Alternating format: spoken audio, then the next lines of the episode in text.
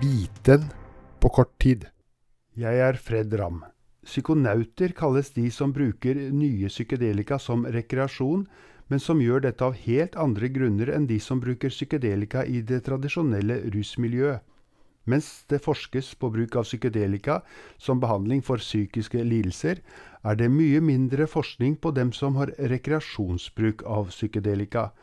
Psykonautene skiller seg fra dem som bruker psykedelika i festsammenheng, mer som et vanlig rusmiddel på den måten at psykonautene bruker psykedelika for utforskning av sitt eget selv, åndelige opplevelser eller for en opplevelse av endret bevissthet, og de er ofte nitide med å registrere sine opplevelser, slik at de nærmest har en vitenskapelig tilnærming til dette, og de utforsker og deler sine opplevelser med likesinnede. Psykonautene er ofte enslige unge menn i full utdanning eller i fullt arbeid og med gode IT-kunnskaper.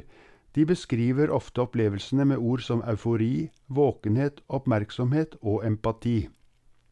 I en ny studie ble psykonautene sammenlignet med festbrukere av psykedelika, da de som søkte behandling fordi de hadde utviklet problembruk, og med en gruppe som ikke brukte rusmidler.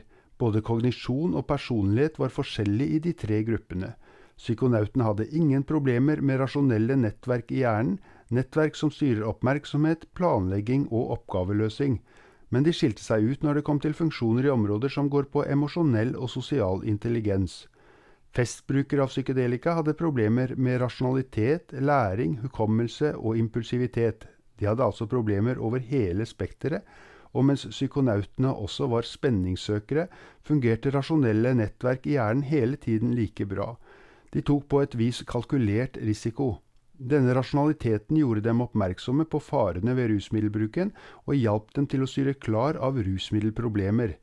Det vi kaller kald og varm kognisjon har utspring i forskjellige strukturer i hjernen, og mens rusmiddelbruk vanligvis rammer begge domener, vil altså den kontrollerte bruken psykonautene benytter seg av, bare berøre deler av viktige hjernefunksjoner.